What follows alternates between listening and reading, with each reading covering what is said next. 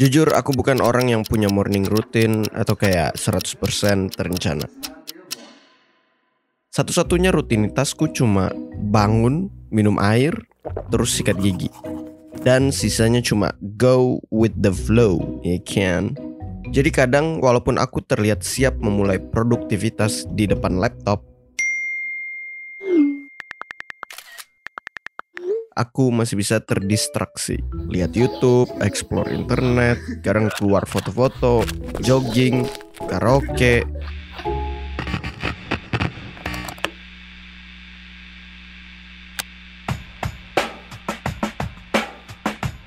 Yeah. Today I don't feel like doing anything. I just wanna lay in my bed.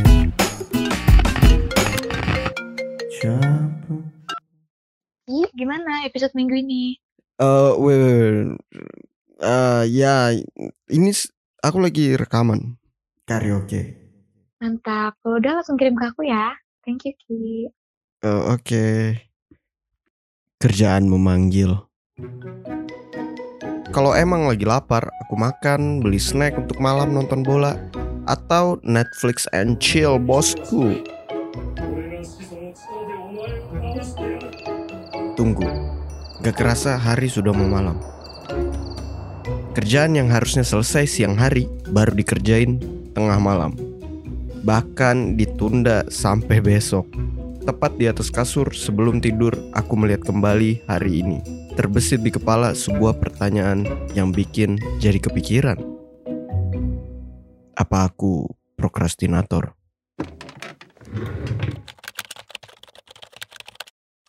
Jam 3 pagi, kembali ke meja. Browsing soal prokrastinasi. Pertanyaan-pertanyaan yang awalnya penasaran malah menghantui. Apa betulan aku prokrastinator? Apa itu buruk atau malah baik? Apa sesuatu terjadi denganku makanya jadi menunda pekerjaan? Sebentar, sebentar, sebentar. Coba kita mulai dari dasar dulu. Apa itu prokrastinasi? Kalau kamu browsing di halaman pertama Google, ada banyak penjelasan soal prokrastinasi dari yang sepanjang tiga paragraf sampai yang cuma satu kalimat. Tapi karena ini sudah jam setengah empat pagi, coba kita pilih yang pakai gambar aja. Shit, ini podcast ya. Pokoknya bayangkan diagram Venn, oke? Dua lingkaran saling beririsan dan satu lingkaran yang tidak beririsan sama sekali. Dua lingkaran yang saling beririsan adalah sesuatu yang harusnya aku prioritaskan untuk dikerjakan dan sesuatu yang aku bakal suka untuk melakukannya. Terus satu lingkaran yang tidak beririsan sama sekali, lingkaran di mana aku malah beraktivitas. Singkatnya prioritasnya A yang dikerjain C. Tapi kenapa aku melakukan sesuatu yang bukan jadi prioritas? Apa aku benci kegiatanku? Apa kegiatan yang lain kurang menarik aja? Atau malah apa aku benci semua kejadian yang terjadi sepanjang lima tahun terakhir ini? Ah, makin lama kayaknya makin berlarut. Belum lagi ini sudah jam 5. Oke, ini kayaknya waktu yang tepat untuk um, tidur.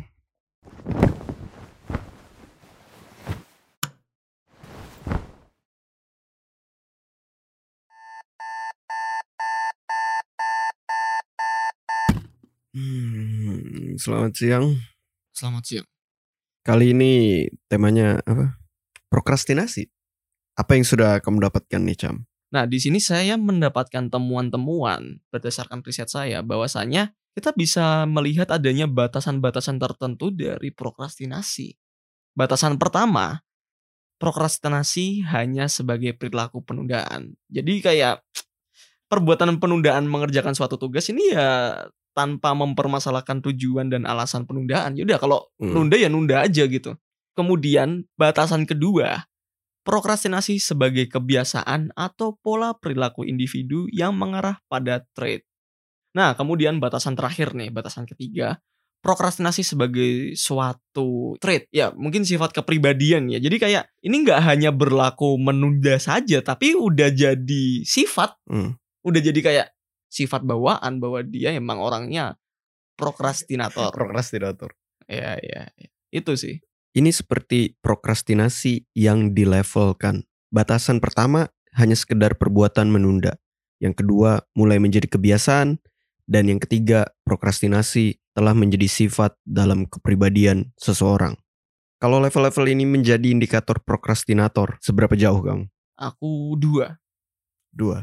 daripada ntar pala aku pecah karena menjalankan sebuah tugas atau Hmm. mengerjakan apa kayak gitu pasti aku bakal cari eh, ini ya mencari kesempatan dalam kesempitan untuk istirahat ya kita butuh Hmm. healing wey. bahasa anak bahasa anak sekarang kan self healing biar biar nggak mental breakdance wey. Hmm. Tapi dari sini muncul lagi pertanyaan. Apakah prokrastinasi adalah kemalasan?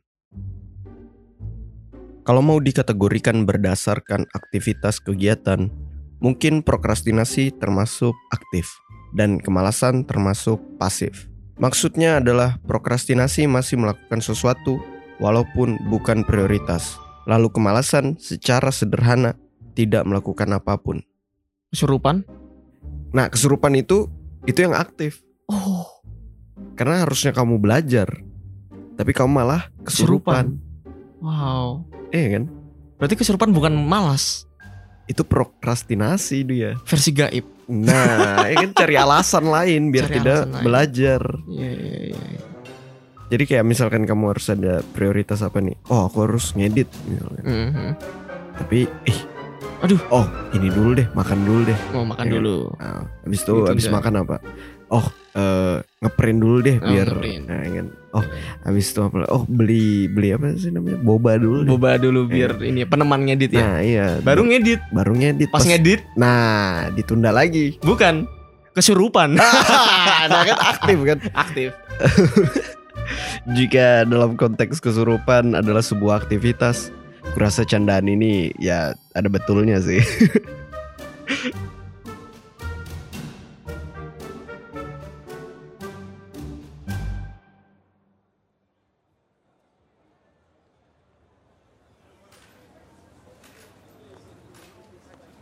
Melihat ke dalam tulisan-tulisan karya terdahulu, contohnya pada tahun 1749, Philip Stanhope, Earl of Chesterfield, keempat. Maafkan Inggrisku. Philip Stanhope menyatakan tidak ada menganggur, tidak ada kemalasan, tidak ada penundaan. Jangan pernah menunda sampai besok apa yang bisa kamu lakukan hari ini. Bahkan lebih jauh lagi sekitar 700 sampai 800 tahun sebelum Masehi, Hesiod yaitu salah satu penyair pertama yang tercatat dalam sastra Yunani. Hesiod dalam karya Works and Days menuliskan, "Jangan menunda pekerjaanmu sampai besok dan lusa." Karena seorang pekerja yang malas tidak memenuhi lumbungnya atau orang yang menunda pekerjaannya. Industri membuat pekerjaan berjalan lebih baik, tetapi orang yang menunda pekerjaan selalu berada di ambang kehancuran. apa prokrastinasi memang seberdosa itu? Tapi kenapa ada juga orang yang melihat prokrastinasi dari sisi baiknya? Gimana An? aku ada apa deh pandangan nih bukannya kalau orang yang suka menunda-nunda sama malas tuh bukannya berarti orang pintar nggak sih karena dia merasa dia tuh kapabilitasnya bisa melakukannya nanti Kamu lagi ngomongin dirimu sendiri. Oh, enggak ya? soalnya ibarat ini kenapa gitu? deadlineer itu sebilang dibilang menunda-nunda kan dia sengaja mengerjakan pas deadline dia menunda Hmm. "Nan- ah nanti aja aku bisa ngerjainnya semalam dengan dengan dia tahu kemampuan dia bukan berarti kan dia itu adalah orang yang pintar dan hebat Oh, karena dia tahu bakal tetap iya selesai. dia tahu itu bakal selesai walaupun itu menunda Namun begitu tiba pada saat-saat terakhir, prokrastinator akan sadar dengan tugasnya. Dan jalan semua itu urat-urat di otak sampai mana tuh keli- keluar semua dia adrenalin semua. iya Iya. tinggal pakai doping aja itu Berarti motivasinya ekstrim ya.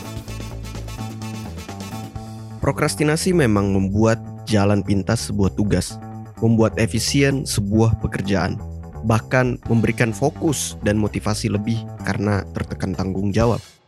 Gini sih An yang kamu bilang itu iya tuh adalah orang-orang yang sudah pro. Dalam arti Hmm. begini, sudah tahu polanya, iya sudah tahu pola. Oh. Emang mungkin itu emang sudah orang pinter itu dia sudah tahu polanya, udah Oh, iya. Ibarat Iya. kata orang Jambi itu sudah tahu slow-nya. Eh, Tapi tentu kalau kamu seorang prokrastinator yang handal sekalipun, kamu juga bakal sadar jika prokrastinasi menahan kamu untuk mengeluarkan versi terbaik dari dirimu.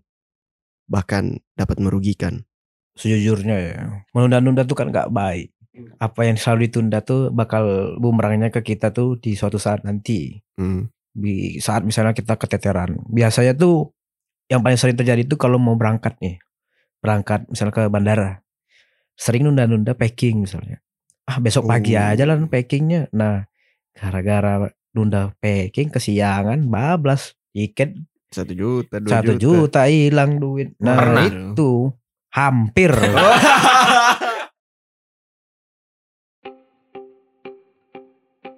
apa ya aku menilai prokrastinasi berdasarkan apa yang aku baca ini ada dua yaitu fungsional dan juga disfungsional. Oh, soalnya gini aku jelasin ya yang pertama prokrastinasi fungsional itu dia punya tujuan gitu loh. Maksudnya kayak penundaan dia untuk mengerjakan sesuatu Hmm. itu bertujuan untuk memperoleh informasi yang lebih lengkap dan akurat sedangkan yang kedua ini prokrastinasi disfungsional ya ini apa itu? penundaan yang tidak bertujuan.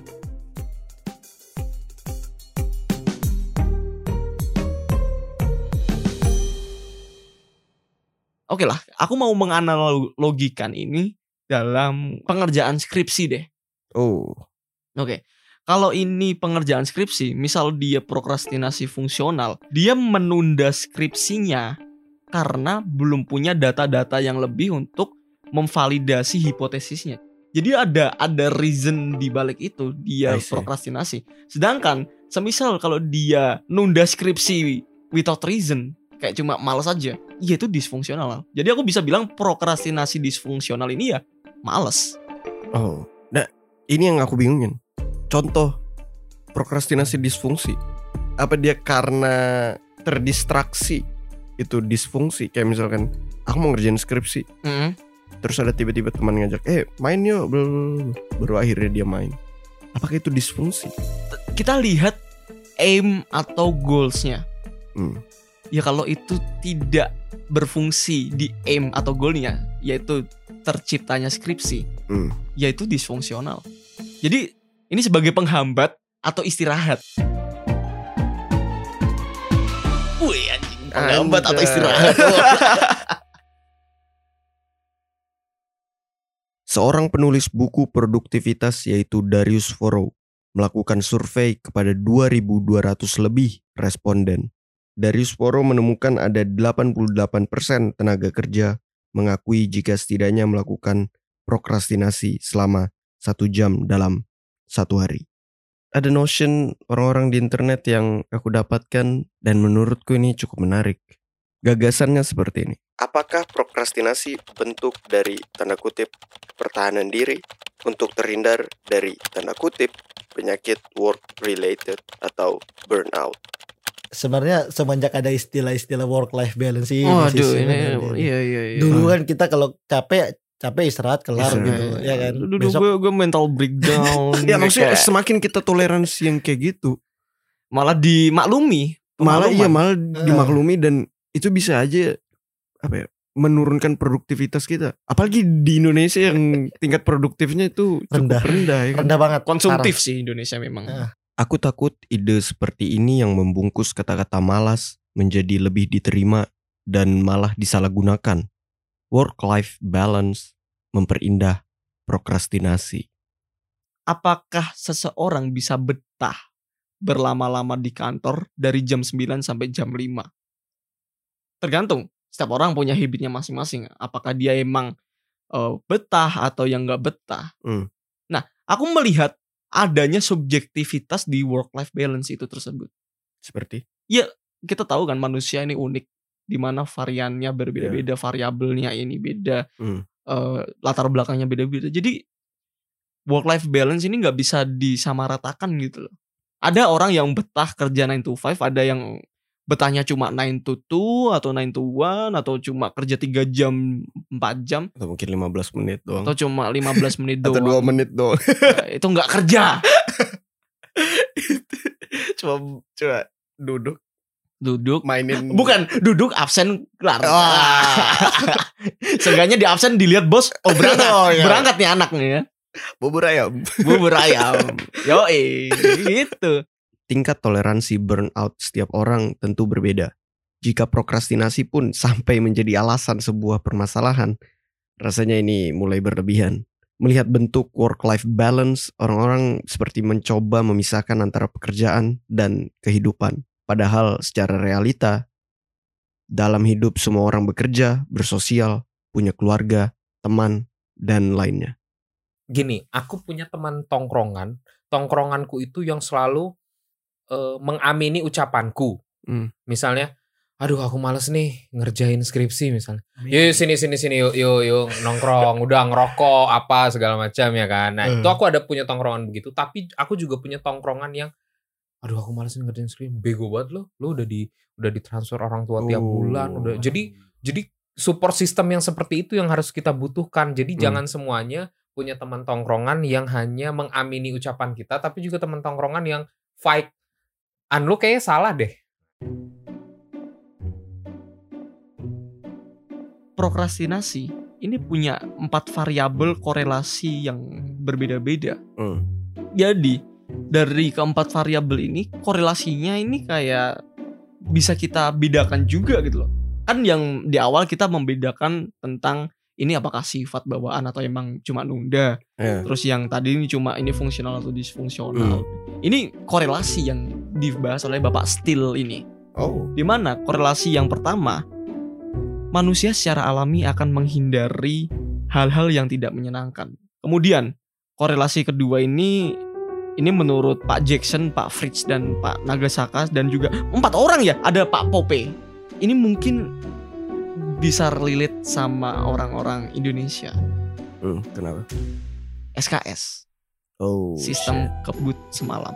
Di mana ini kalau aku simpelin aja ya teorinya ya bahwa kita kalau dikasih kelonggaran waktu kita ngerjainnya mepet-mepet. Ya kalau bisa dikerjain malam sebelum deadline ya kenapa enggak gitu. Untuk korelasi ketiga, bahwasannya prokrastinasi ini dipengaruhi oleh perfeksionisme individu.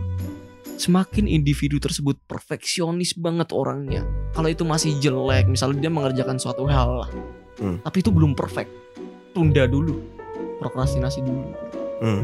Nah, kemudian yang terakhir nih, bahwa prokrastinasi ini mempunyai berhubungan atau korelasi dengan usia dan gender dan kelamin Oh shit. dan juga usia ya semakin dari anak-anak atau sampai ke dewasa kita pasti Usia logis. ya. batas prokrastinasinya bakal berbeda gitu loh. Iya. Entah itu nurun, ada penurunan atau penaikan dalam hal melakukan penundaan-penundaan ini. Perlu digarisbawahi tentang prokrastinator cenderung tidak berorientasi terhadap masa depan. Ada dua kemungkinan di sana.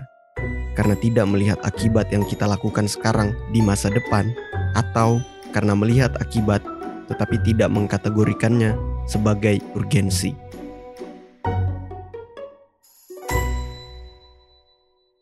Tapi menurutku siapa ki itu aku tuh bingung ya maksudnya kita Hmm. itu apalagi di masih di masa muda itu harus menjadi orang yang keras terhadap diri sendiri. Apalagi di Hmm. umur du- umur umur umur berapa? Dua dua. Nah, dua um- satu, umurmu dua kan? tiga. 21 Umur 21 sampai umur 29 tahun selama kurang lebih 10 tahun Hmm. itu kalian harus keras terhadap diri sendiri. benar.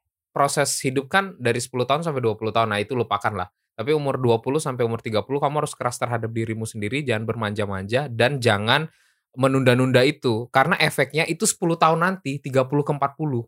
Oh shit. Iya, itu itu memang nggak kerasa. Aku tuh kerasa pas udah mau memasuki usia 29 ini ya. Hmm. Maksudnya kayak oke, aku yang sekarang adalah eh, hasil kerja kerasku yang 10 tahun yang lalu. Seandainya aja kita melihat akibat apa yang kita lakukan dalam waktu dekat, kurasa kita akan lebih bijak untuk mengambil keputusan. Dan prokrastinasi bisa lebih diminimalisir karena mau prokrastinasi atau produktivitas bisa dianalogikan sebagai bom waktu.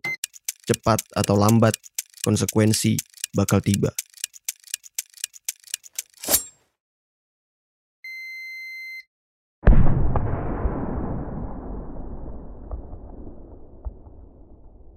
Apa pun yang mau kita kejar, Hmm. apa pun yang mau kita capai, kuncinya cuma berani ambil keputusan sama berani tanggung konsekuensi. Hmm. Jangan jangan pernah em, lepas salah satunya itu karena ketika salah satunya sudah lepas, artinya kita berhenti untuk berkomitmen. Komitmen. Gak jarang karena pekerjaan yang kita lakukan tidak maksimal, komitmen jadi tanda tanya. Oke, topiknya udah mulai terlalu serius. Coba kita lebih santai dan mencari jalan keluar. Prokrastinasi.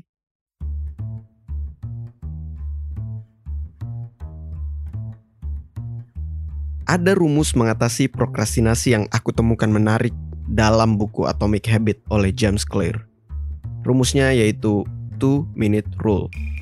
Walaupun rumus ini berorientasi membangun kebiasaan, tapi jujur ini rumus dengan konsep boleh dicoba. Rumusnya seperti ini. Jika kamu baru membangun kebiasaan, coba lakukan aktivitas tersebut selama 2 menit atau bahkan kurang dari 2 menit. James Clear menuliskan maksud dari rumus ini adalah membuat aktivitas semudah mungkin untuk dimulai. Contohnya jika aktivitas yang mau kamu lakukan adalah meditasi 30 menit, ubah menjadi 2 menit aja. Lalu setelahnya berhenti. Atau aktivitasnya bahkan tidak harus berbasis waktu. Kalau kamu nggak biasa lari, jangan coba lari dulu hari pertama. Jalan, jalan. Hmm. Coba dua minggu jalan aja.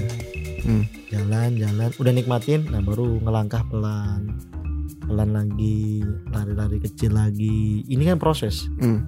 Orang kalau dia udah tahu prosesnya, dia udah tahu ritmenya gimana, pasti konsisten, cuy. Nah, misalkan latihan bola basket, ubah menjadi pakai pakaian olahraga aja dulu. Atau yang tadinya mau bersihkan rumah, ubah menjadi kumpulkan sampah di meja kerja. Yang tadinya ambil 40 foto setiap hari, jadi ambil kamera dulu, terus lihat lokasi potensial. Nah, ini aku punya kunci nih buat produktif nih. Apa tuh? Make it simple. Jadikan itu kebiasaan. Kamu nggak mungkin kan tiba-tiba hari ini baca satu buku habis satu hari kan nggak mungkin kan? Nggak mungkin. Iya Aku kan? sempat coba, memang udah mungkin. Nggak mungkin kan? Nggak mau nggak akan mungkin. Buku 200 halaman lah. Pengalamanku aku baca ada buku Laut Bercerita. Eh. Itu kan 300 halaman. Hmm. Aku emang eh, men- eh, mentargetkan menyelesaikan tiga hari. Selesai tiga hari. Hmm. Tapi capek. Dan itu nggak akan berulang lagi. Maksud dari rumus ini adalah mulai aja dulu.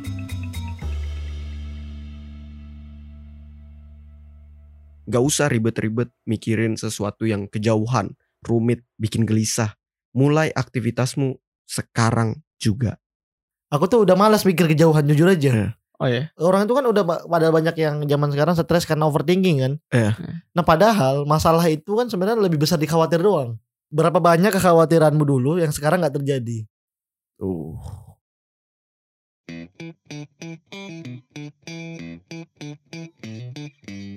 Ini bagian yang aku suka dari 2 minute rule. Dari 2 menit, kamu bisa membuat momentum. Setelah sebuah aktivitas menjadi rutinitas, kamu bakal bisa menaikkan tahapannya dan melihat tujuannya. Awalnya cuma pakai pakaian olahraga, jadi latihan basket setengah jam, satu jam, akhirnya dua jam. Awalnya cuma ambil kamera dan lihat-lihat lokasi potensial. Lama kelamaan ambil dua foto, lima foto, 20, bahkan 40 foto terbaik per hari. Dari yang awalnya cuma bersihin meja kerja doang, akhirnya kamu bisa bersihkan kamar, ruangan yang lain, akhirnya satu rumah. Rumus 2 minute rule terdengar mudah untuk dilakukan dan konstruktif.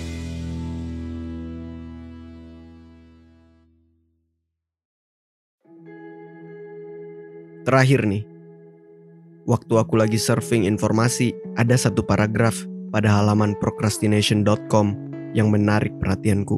Di sana tertulis, You can learn as much as you want. kita dapat belajar sebanyak yang kita inginkan tentang disiplin diri, motivasi, perencanaan, dan manajemen waktu. Tetapi jika kita tidak menjadikan apa yang kita pelajari sebagai bagian dari rutinitas harian, kebiasaan, pola pikir, dan model mental, itu hanya akan menjadi informasi yang tidak berguna, tersimpan dalam ingatan tanpa pernah membantu. Any book, Buku, article, artikel, or video atau video apa pun can give you tools, dapat memberi alat. but it is up to you to actually use them. Tetapi itu keputusan kamu untuk benar-benar menggunakannya. Kamu kerja nih, tapi kamu gak cinta sama pekerjaannya. Hmm. Tetap bertanggung jawab. Entah itu untuk diri Yes, sendiri atau untuk orang lain. Udah nggak usah lagi mikirin passion passion. Udah nggak udah nggak relevan udah. Karena ya hidup ya let must go on. Pertunjukan harus tetap lanjut. Prokrastinasi bukan hanya permasalahan alat, tapi juga permasalahan emosional, mentalitas.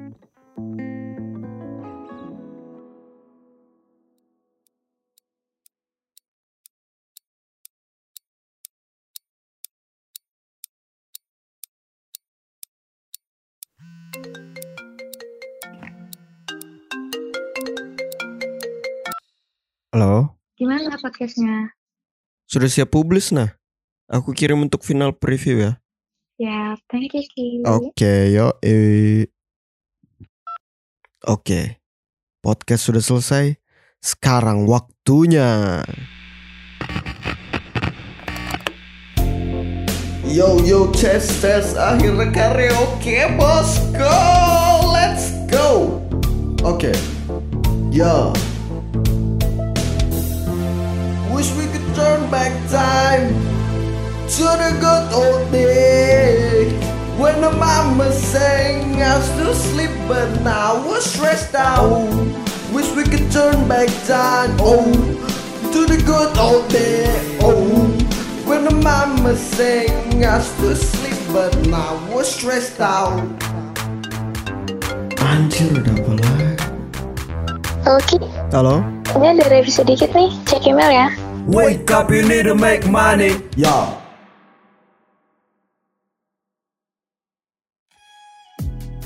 Terima kasih telah mendengarkan episode serial Skala. Episode ini diproduksi oleh Lokal Eten bersama tim. Jangan lupa untuk review podcast ini. Nyalakan notifikasi, follow Juksta Podcast supaya nggak ketinggalan kabar-kabar terbaru kami. Sampai jumpa pada episode menyenangkan lainnya. Saya Rizky Viali bersama tim Juksta Podcast out.